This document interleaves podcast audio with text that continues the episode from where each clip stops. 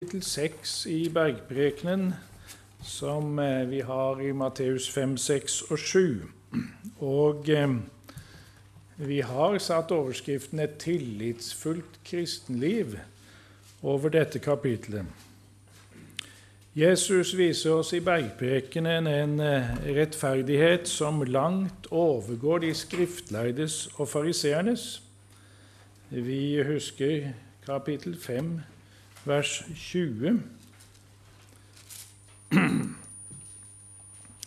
For jeg sier dere, dersom deres rettferdighet ikke langt overgår de skriftlærdes og fariseernes, kommer dere slett ikke inn i himlenes rike. I eh, kapittel 5, vers 21-48, gjennom de såkalte antitesene, har Jesus tatt et oppgjør med de skriftlærdes lovtolkning. Og han fortsetter i kapittel 6, vers 1-18, med å ta et oppgjør med fariseernes hykleri. Han bruker tre eksempler gaver til de fattige, bønn og faste. Det første verset kan oppfattes på to måter. Enten som en innledning til hele avsnittet vers 1-18, eller som et ord om gaver til de fattige. Her varierer nemlig de gamle håndskriftene. Står det i vers 1 um, Ta dere i vare at dere ikke utøver deres rettferdighet for menneskenes øyne. Eller står det Ta dere i vare at dere ikke gir deres almisse for menneskenes øyne. Norsk bibel har valgt det siste. Ta dere i vare så dere ikke gir deres almisse for øynene på folk for å bli sett av dem.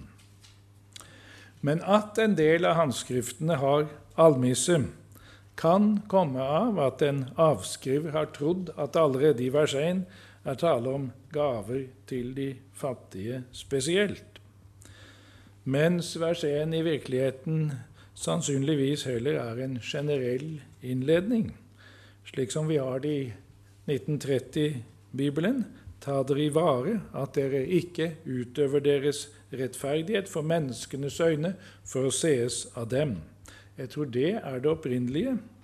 Og den nye oversettelsen av 2011 tar det også slik, men eh, omskriver ordet rettferdighet med gode gjerninger. Pass dere for å gjøre gode gjerninger for øynene på folk, for å bli sett av dem. Logisk skulle da egentlig vers 1 stått under en annen overskrift i 2011 enn vers 2-4 gjør, men nå står alt under overskriften 'Gaver til de fattige'. Men vi tar altså vers 1 som en generell og sammenfattende advarsel. Den rette rettferdighet er ikke på utstilling. Så følger tre konkretiseringer. Et avsnitt om gaver til de fattige, vers 2-4. Et om bønn, vers 5-15. Og et om faste, vers 16-18. Almisse, bønn og faste var tre religiøse ytringer som fariseerne var sterkt opptatt av. Rettferdigheten er altså noe som gjøres eller utøves, f.eks. ved at en gir til de fattige, ber eller faster. Men det finnes en hyklersk og en sann rettferdighet. Den rettferdigheten som langt overgår de skriftlærdes og fariseernes, blir utøvet for Guds ansikt, ikke for å bli sett av menneskene. Den private bønn og faste skjer i det skjulte. Så også det å gi almisser, selv om mottakeren registrerer det som skjer. Men hvordan skal vi nå forstå dette da i forhold til eh, kapittel 5, vers 14-16? Dere er verdens lys. En by som ligger på et fjell, kan ikke skjules. En tenner heller ikke et lys og setter det under en skjeppe, men i lysestaken, så lyser det for alle som er i huset. La således deres lys lyse for menneskene, så de kan se deres gode gjerninger og prise deres Far i himmelen. Om enn menneskene skal se disiplenes gode gjerninger, skal de disse gjerninger ikke gjøres for at disiplene skal bli æret. Det er Gud som eh, skal prises når Jesu disipler gjør gode gjerninger. John Stott siterer denne A.B. Bruce, som jeg har eh, også tatt med, da, sitat eller referat fra, på arket deres. Vi skal vise oss når vi fristes til å gjemme oss, og gjemme oss når vi fristes til å vise oss. Ja, andre vil ofte være vitner til Jesu disiplers rettferdighetsutøvelse. Det ligger i sakens natur, men avgjørende er det at ærekjærhet ikke får være noe motiv. Derfor er det mye som skal skje i det stille og i det skjulte. Jesu disipler skal nåderikt bli lønnet i den kommende verden. Men den som lever for seg sjøl, og i stedet tar ut en karriereslønn i denne verden, har ingen lønn i den kommende. Nå følger da tre avsnitt om almisser, bønn og faste, som nevnt, vekselvis retta til Jesu disipler som menighet og til den enkelte. Når du gir til de fattige, vers 2 og vers 3, og gi er en individuell sak.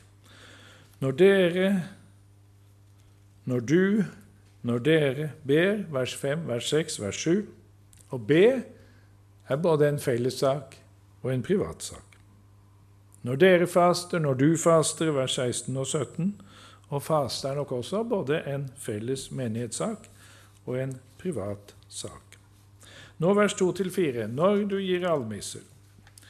Derfor, når du gir til de fattige, da skal du ikke la blåse i basun for deg, som hyklerne gjør i synagogen og på gatene, for å bli æret av menneskene.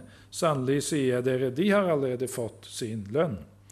Men når du gir til de fattige, da la ikke din venstre hånd vite hva din høyre gjør, for at din gave kan være i det skjulte og din far som ser i det skjulte, han skal lønne deg.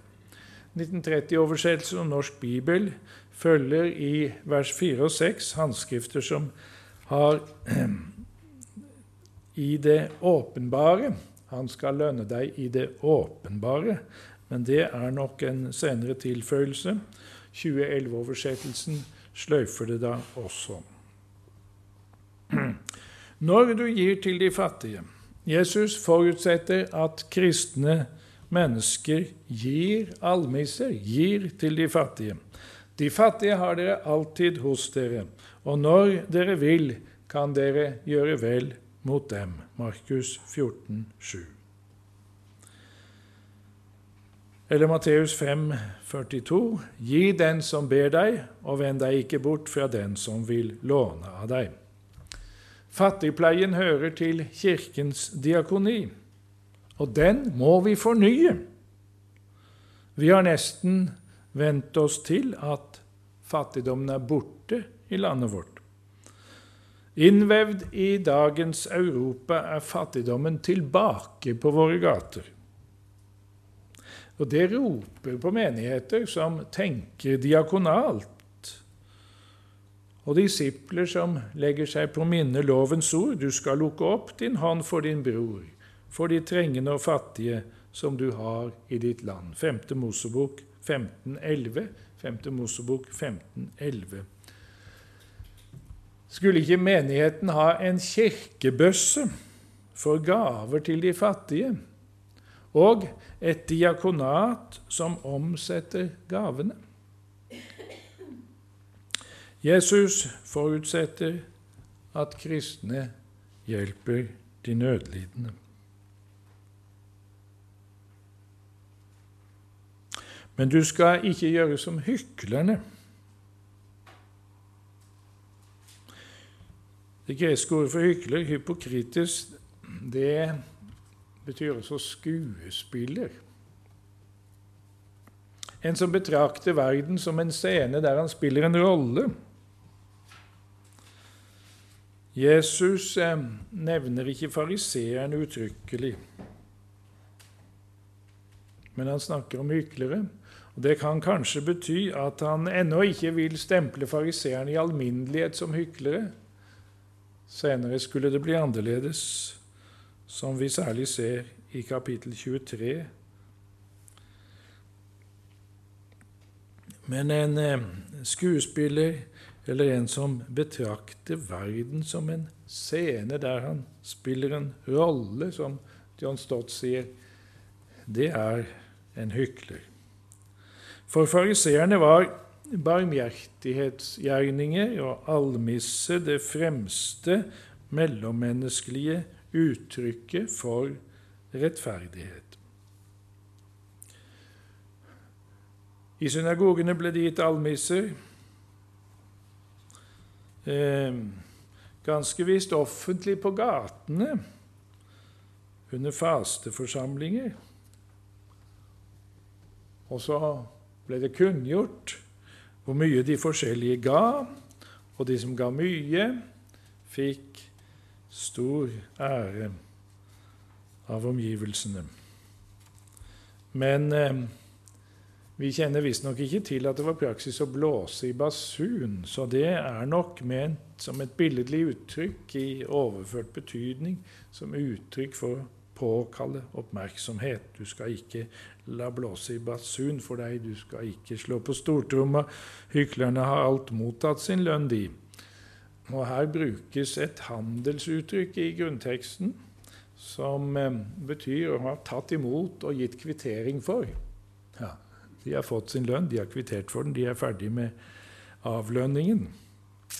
Din venstre og din høyre hånd betegner nok at en heller ikke sjøl skal feste seg hva en gir. La ikke din venstre vite hva din høyre gjør. Din høyre, den handa du hjelper med. La ikke din venstre vite hva den høyre gjør. Merk deg ikke sjøl, fest deg ikke ved hva du gir og hjelper.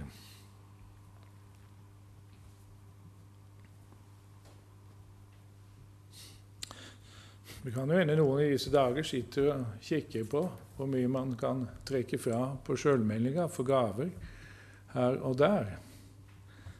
Så tenk over dette jeg her sier. Lønnen gis nok eh, både i denne og den kommende verden. Den lønn som Jesus taler om, som den himmelske Far vil gi.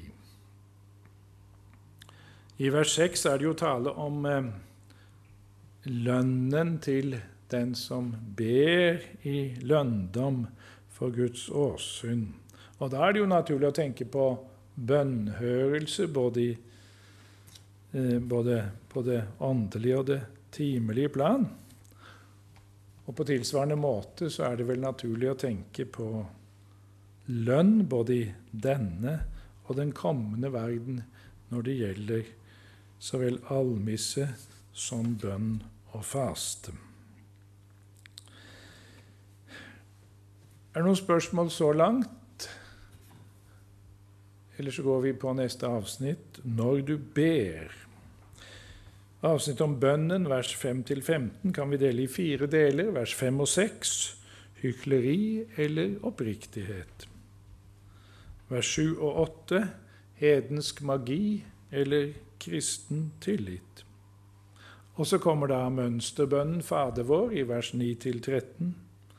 Og så handler det i vers 14 og 15 om Guds tilgivelse og vår. Kommentar til femte bønn. Jesus advarer altså ikke bare mot hykleriet, mot eh, fariseismen, men også mot hedenskapet, mot hedensk magi og mot uforsonlighet. Og Her kommer det også tydelig fram at lønnen slett ikke er fortjenestelønn, men nådelønn. Gud lønner sine skyldnere når de tar sin tilflukt til Han. Som Luther sier det i forklaringen til femte bønn, vi er ikke verdt å få noe av Gud, vi er ikke verd å få noe av Gud, for Vi synder daglig og fortjener bare straff. Derfor ber vi at Han vil gi oss alt av nåde. Og når dere ber, skal dere ikke være som hyklerne, for de vil gjerne stå og be i synagogene og på gatehjørnene for å vise seg for menneskene. Sannelig, sier jeg dere, de har allerede fått sin lønn. Men du, når du ber, da gå inn i ditt lønnkammer og lukk din dør og be til din far som er i det skjulte, og din far som ser i det skjulte, han skal lønne deg. Jødene hadde tre daglige bønnetider. Ved den tredje og ved den niende time disse tider, om formiddag og ettermiddag, ble brennofferet frambåret i tempelet. Og den tredje faste bønnetid var ved solnedgang.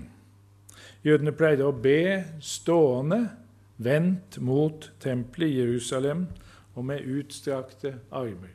Å be med foldede hender er en germansk skikk og tegn på at en gir seg inn under den som en ber til. Vi kan tenke at hyklerne yndet å være ute blant folk når bønnetidene inntraff. Teoretisk var nok tanken da at den skulle være eksempler for andre, men det egentlige, subjektive motivet kunne være noe ganske annet. De vil gjerne stå og be i synagogene. Ja, kanskje det kan virke litt overraskende at synagogen er nevnt. Er ikke det et Guds hus for gudstjeneste? Vel, det var det vel om sabbaten, men eh, synagogen var mye annet òg. Det var et hverdagshus òg. Skolehus. Eh, hadde nær sagt kommunehus. Rådhus. Eh, det var et sted hvor man møttes i forskjellig ærend. Og eh, de vil gjerne stå og be i synagogene. Eh, og på gatehjørnene, eller i gatehjørnene Uttrykket kan eh, faktisk bety kroker ved gatehjørnene. Det kan være sånn å forstå at hyklerne gjerne vil bli sett fra kryssende gater samtidig, men også at de stiller seg opp i kroker hvor de kan stå litt mer uforstyrret, samtidig som mange kan se at der står de og ber. Jesus eh, taler om å be i ens private forrådskammer med lukket dør. Forrådskamrene var uten vinduer. Nå er ikke det et lovbud, naturligvis, mot felles bønn. Jesus taler jo også i kapittel 18 om eh, det to eller tre blir enige om å be om, og der to eller tre er samlet i hans navn, er han midt iblant. Men Jesus understreker motsetningen til hyklerbønnen som skjer for menneskenes øyne, fordi det er så viktig for hyklerne å bli sett av andre mennesker. I Jesu ord ligger naturligvis også en advarsel til mennesker som ber offentlig i eh, vår tid. Gud er ånd, og de som tilber Han, bør tilbe i ånd og sannhet, som Jesus sier det til den samaritanske kvinne i Johannes 4. Men disiplene har slett ikke forstått Jesu ord som et forbud mot felles bønn. Tenk bare på apostelgjerningene. Vi kan bla litt der og begynne allerede i det første kapitlet, hvor det står i vers 14 om eh, at en rekke eh, disipler holdt samdrektig ved i bønnen sammen med noen kvinner og Maria Jesu mor og hans brødre. Og så kommer vi til nøkkelordet i 242, hvor det står om de første, den første kristne menighet at de holdt trofast fast ved apostlenes lære og ved samfunnet, ved brødsbrytelsen og ved bønnene. Og tenk på kapittel 4 i apostelgjerningene, hvor det står om samdrektig bønn fra vers 24 og utover. Eller tenk på kapittel 12, hvor det i vers 12 står da han nå hadde sanset seg, gikk han bort til det hus som eides av Maria, mor til Johannes, som kaltes med tilnavn Markus. Der var mange samlet og holdt bønn. Eller kapittel 13, hvor det står om faste og bønn i eh, menigheten. I vers 3 da lot de dem dra ut etter at de hadde fastet og bedt og lagt hendene på dem. Nå vers 7 og 8 i Matteus 6.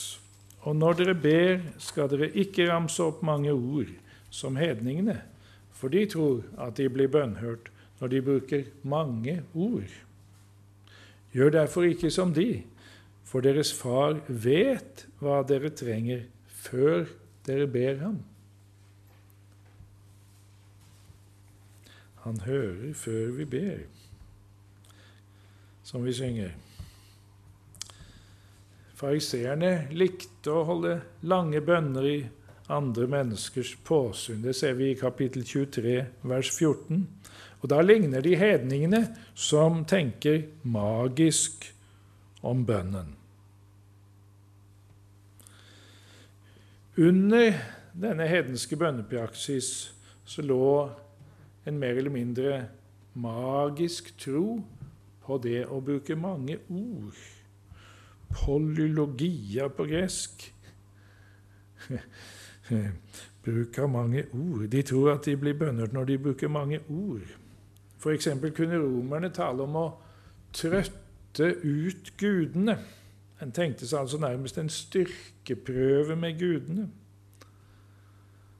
Og Det er en eh, hedensk tankegang om bønn som en må se opp for. Den ene sanne Gud vet hva vi trenger, og han er villig til å gi oss. Bønnen handler ikke om å tvinge Gud, men eh, bønnen handler om å forme oss til å ta imot.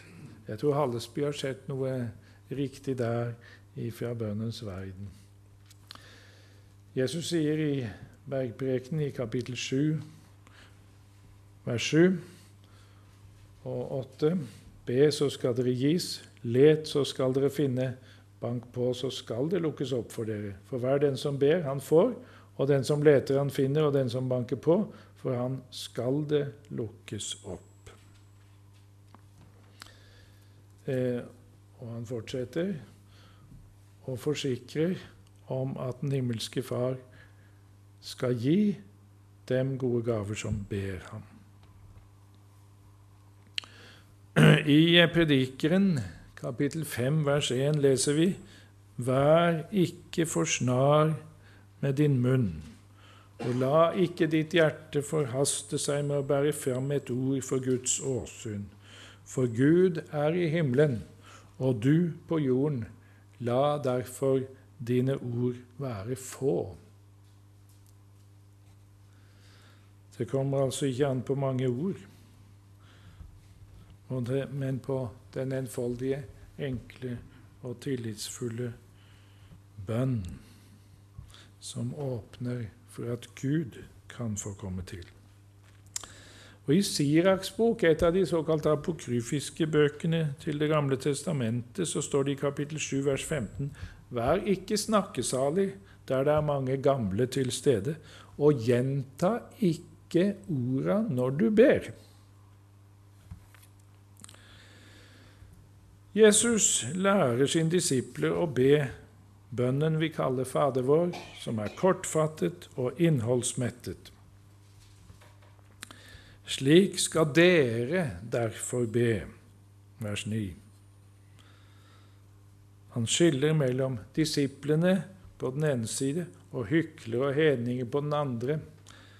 Ordet 'dere' betones for så vidt. Slik skal dere derfor be. Fader vår, som i himlene er. Helliget bli navnet ditt. Komme riket ditt. Skje viljen din, som i himmel, så også på jord. Det daglige brødet vårt, gi oss det i dag, og ettergi oss det vi skylder, som også vi ettergir. Eller, her varierer håndskriftene, som også vi har ettergitt dem som skylder oss noe. Og led oss ikke inn i fristelse, men fri oss fra det onde. Fader vår er både en mønsterbønn til å lære utenat og en modell for bønn med egne ord. Fader vår, som i himlene er. Svært ofte i Matteusevangeliet kalles Gud for Far. Jesus kaller Gud for sin far, og han kaller Gud for disiplenes far. Men aldri sammenfatter han seg med disiplene i uttrykket 'vår far'. Det uttrykket har vi altså i Fader vår, men det er en bønn som man lærte disiplene å be, og ikke en bønn som man sjøl ba. Og denne, dette skillet svarer jo til at han er Guds sønn i enestående og absolutt forstand mens vi får være Guds barn av nåde for Jesus skyld. Han sa til Maria Magdalene, 'Jeg farer opp til Han som er min far og deres far'. Han skiller mellom sitt eget sønneforhold til Faderen og det som vi for hans skyld får lov å ha. Imidlertid er tanken om Gud som sitt folks far også gammeltestamentlig. Også i Det gamle testamentet er det tale om Gud som gudsfolkets far. Det er tale om israelittene som hans barn. Også i jødedommen blir Gud kalt vår far, og vår far som er i himmelen. Gud er i himmelen. Vi siterte nettopp Prediken 5.1. I himmelen har han reist sin trone. Ja, himmelen er hans trone, som Jesus sier det i Matteus 5,34. Og Derfor har Gud den fulle oversikt. Legg merke til Salme nå står det i mitt manuskript 11.4. Det skal bli spennende å se om det var 11.4 eller 111.4 som jeg har en følelse av.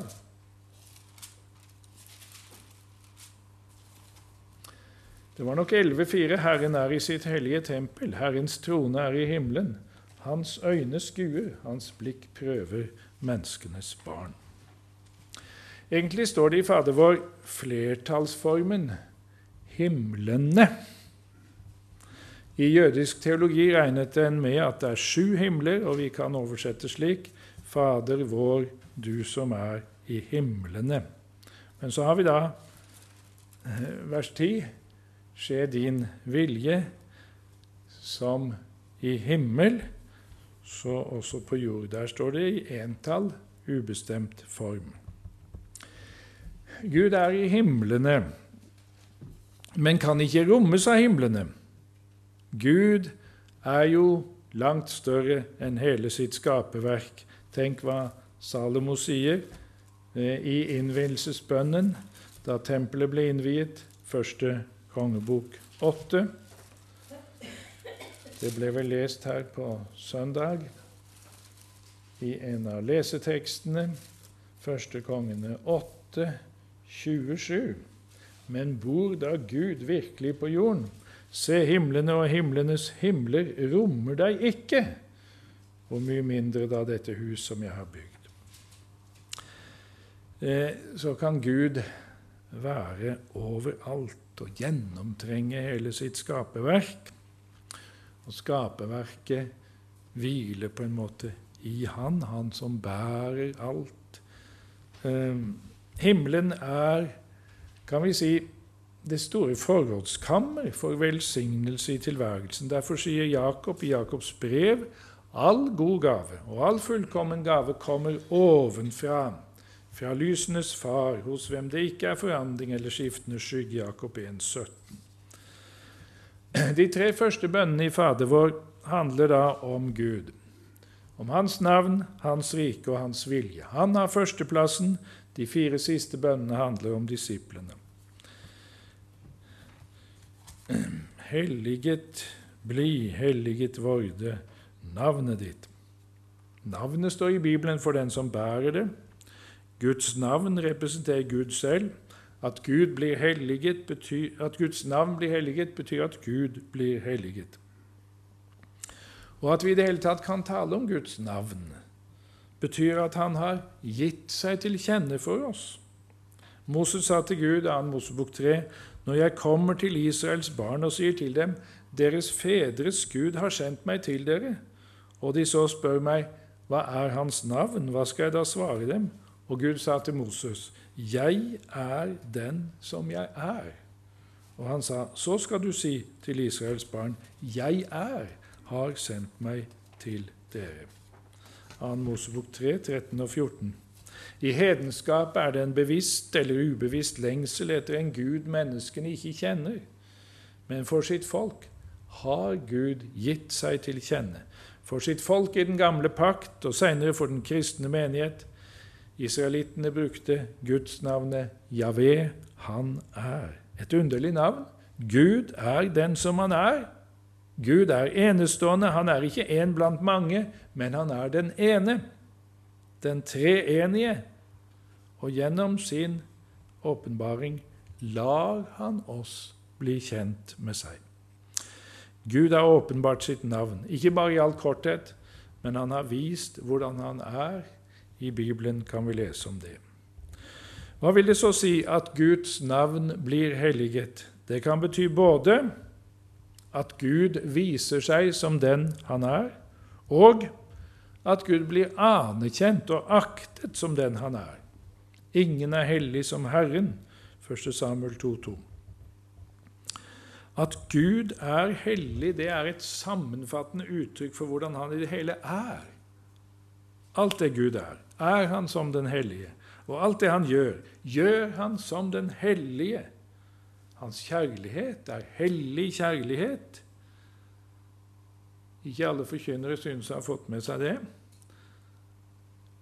Hans vrede er hellig vrede. Hans nåde er hellig nåde.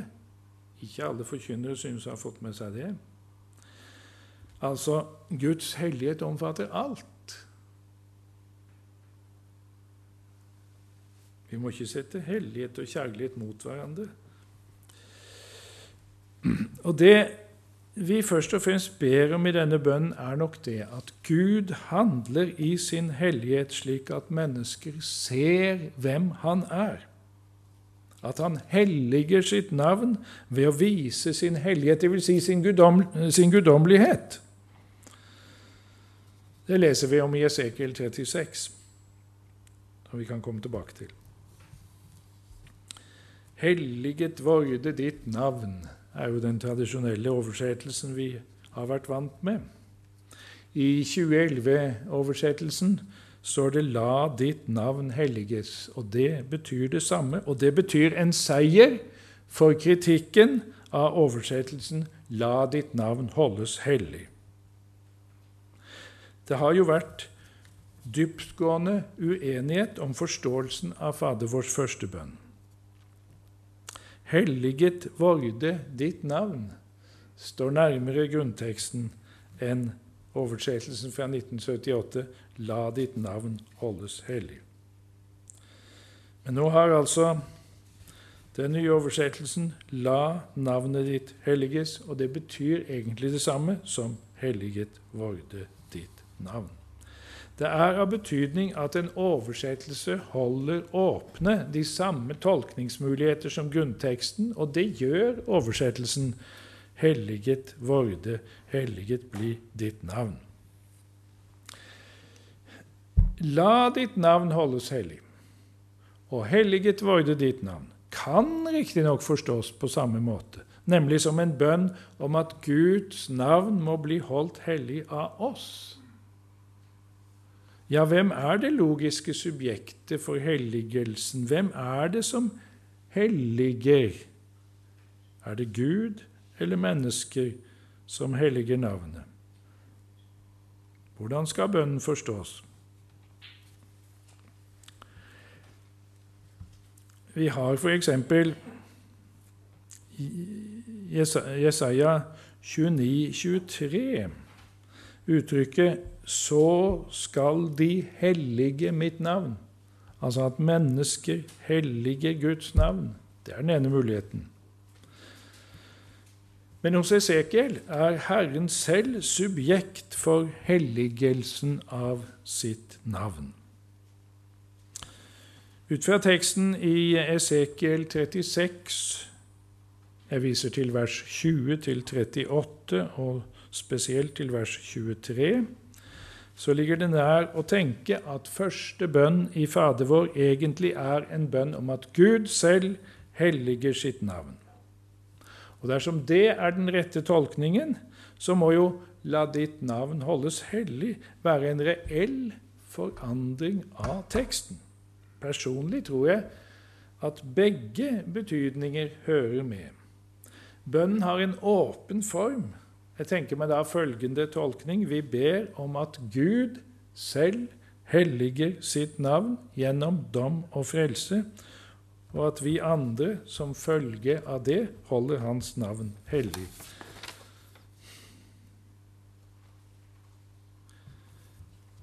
Det trenger dere ikke skrive ned, for det står på arket.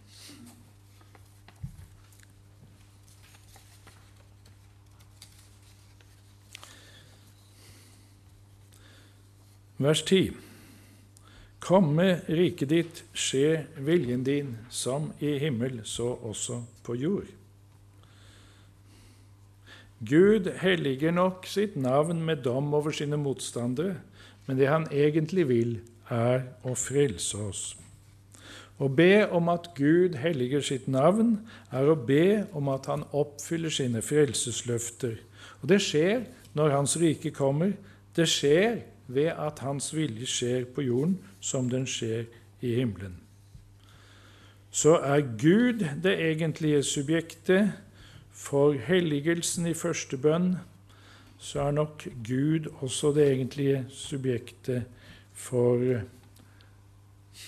eh, Eller jeg mener så Så er nok Gud den som egentlig også bringer riket til oss og eh, sørger for at hans vilje skjer. Guds rike kommer ikke ved menneskers anstrengelser. Men Guds rike er alt kommet nær. Det forkynner jo evangeliene. Guds rike er kommet nær. Allikevel ber vi om at det skal komme. Komme ditt rike. Det handler vel både om at det stadig kommer, men framfor alt om at det skal komme fullendt gjennom fullendelsen av Guds riksplan. Vi ber den fulle oppfyllelse av bønnen om at Guds Riket må komme, Hans vilje må skje som i himmelen, hører det framtidige til. Vi ber om dette, men vi ber også ganske utvilsomt om den midlertidige og foreløpige oppfyllelse av dette i, ved, ved, Guds menighet i denne verden. Bønnen har en åpen form. Bønnene, bønnene vi taler om, har en åpen form. Guds eh, handling framkaller reaksjon hos oss. Og det kommende er også nærværende. Det er alt nå. selv om det ennå ikke er kommet i fullendt skikkelse. Altså bønnene om at Guds navn helliges, at Hans rike kommer og at Hans vilje skjer, er eschatologiske, som teologene sier. Det handler om de siste ting og tider. Men den kristne menighet er eschatologisk. Den kristne menighet er et stykke framtid her og nå. Gud har helliget sitt navn, han har latt sitt rike komme, han har gjennomført sin vilje i de frelseshistoriske begivenhetene som Det nye testamentet taler om. I den menighet som er født ut av dette, så blir hans navn holdt hellig. Så erfares rikets krefter, så adlydes Guds vilje. Slik avføder Guds eget verk respons fra hans frelste folk. Men så rommer disse bønner også begjær, altså ønske og lengselen om at Gud fullfører sin riksplan. Jeg tenker meg altså følgende tolkning. Vi ber om at Gud snart lar sitt rike komme fullendt i herlighet, men også om at han inntil det lar sitt rike komme gjennom evangeliet til stadig nye mennesker. og Dermed stiller vi oss sjøl til disposisjon for riket og evangeliets gang på jord.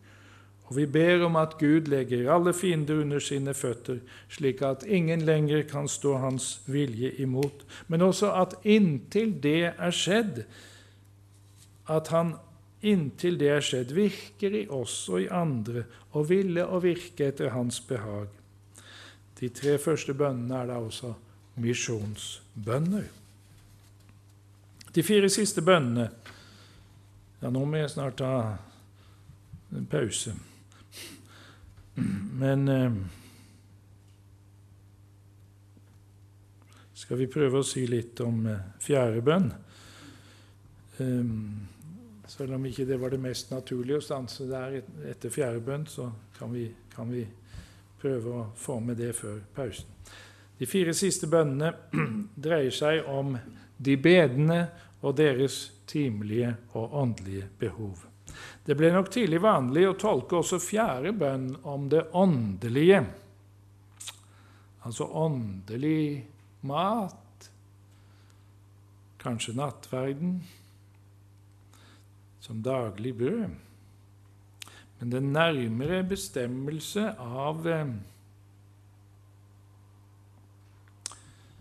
vårt brød som eh, daglig eller hvordan vi nå skal oversette det, synes å lede oss til å forstå brødet som vanlig, timelig næringsmiddel, altså en bønn for vårt vanlige fysiske behov.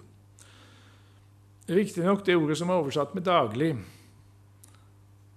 er meget omdiskutert. En tolker sier til og med at det er kanskje det mest omdiskuterte ordet i hele Nytestamentet. Det synes jeg var å sette det veldig på spissen, men eh, er, vi, vi, kan, vi, kan, nevne kort tre mulige tolkninger av dette greskordet epiusios, som vi er vant til å oversette med 'daglig'.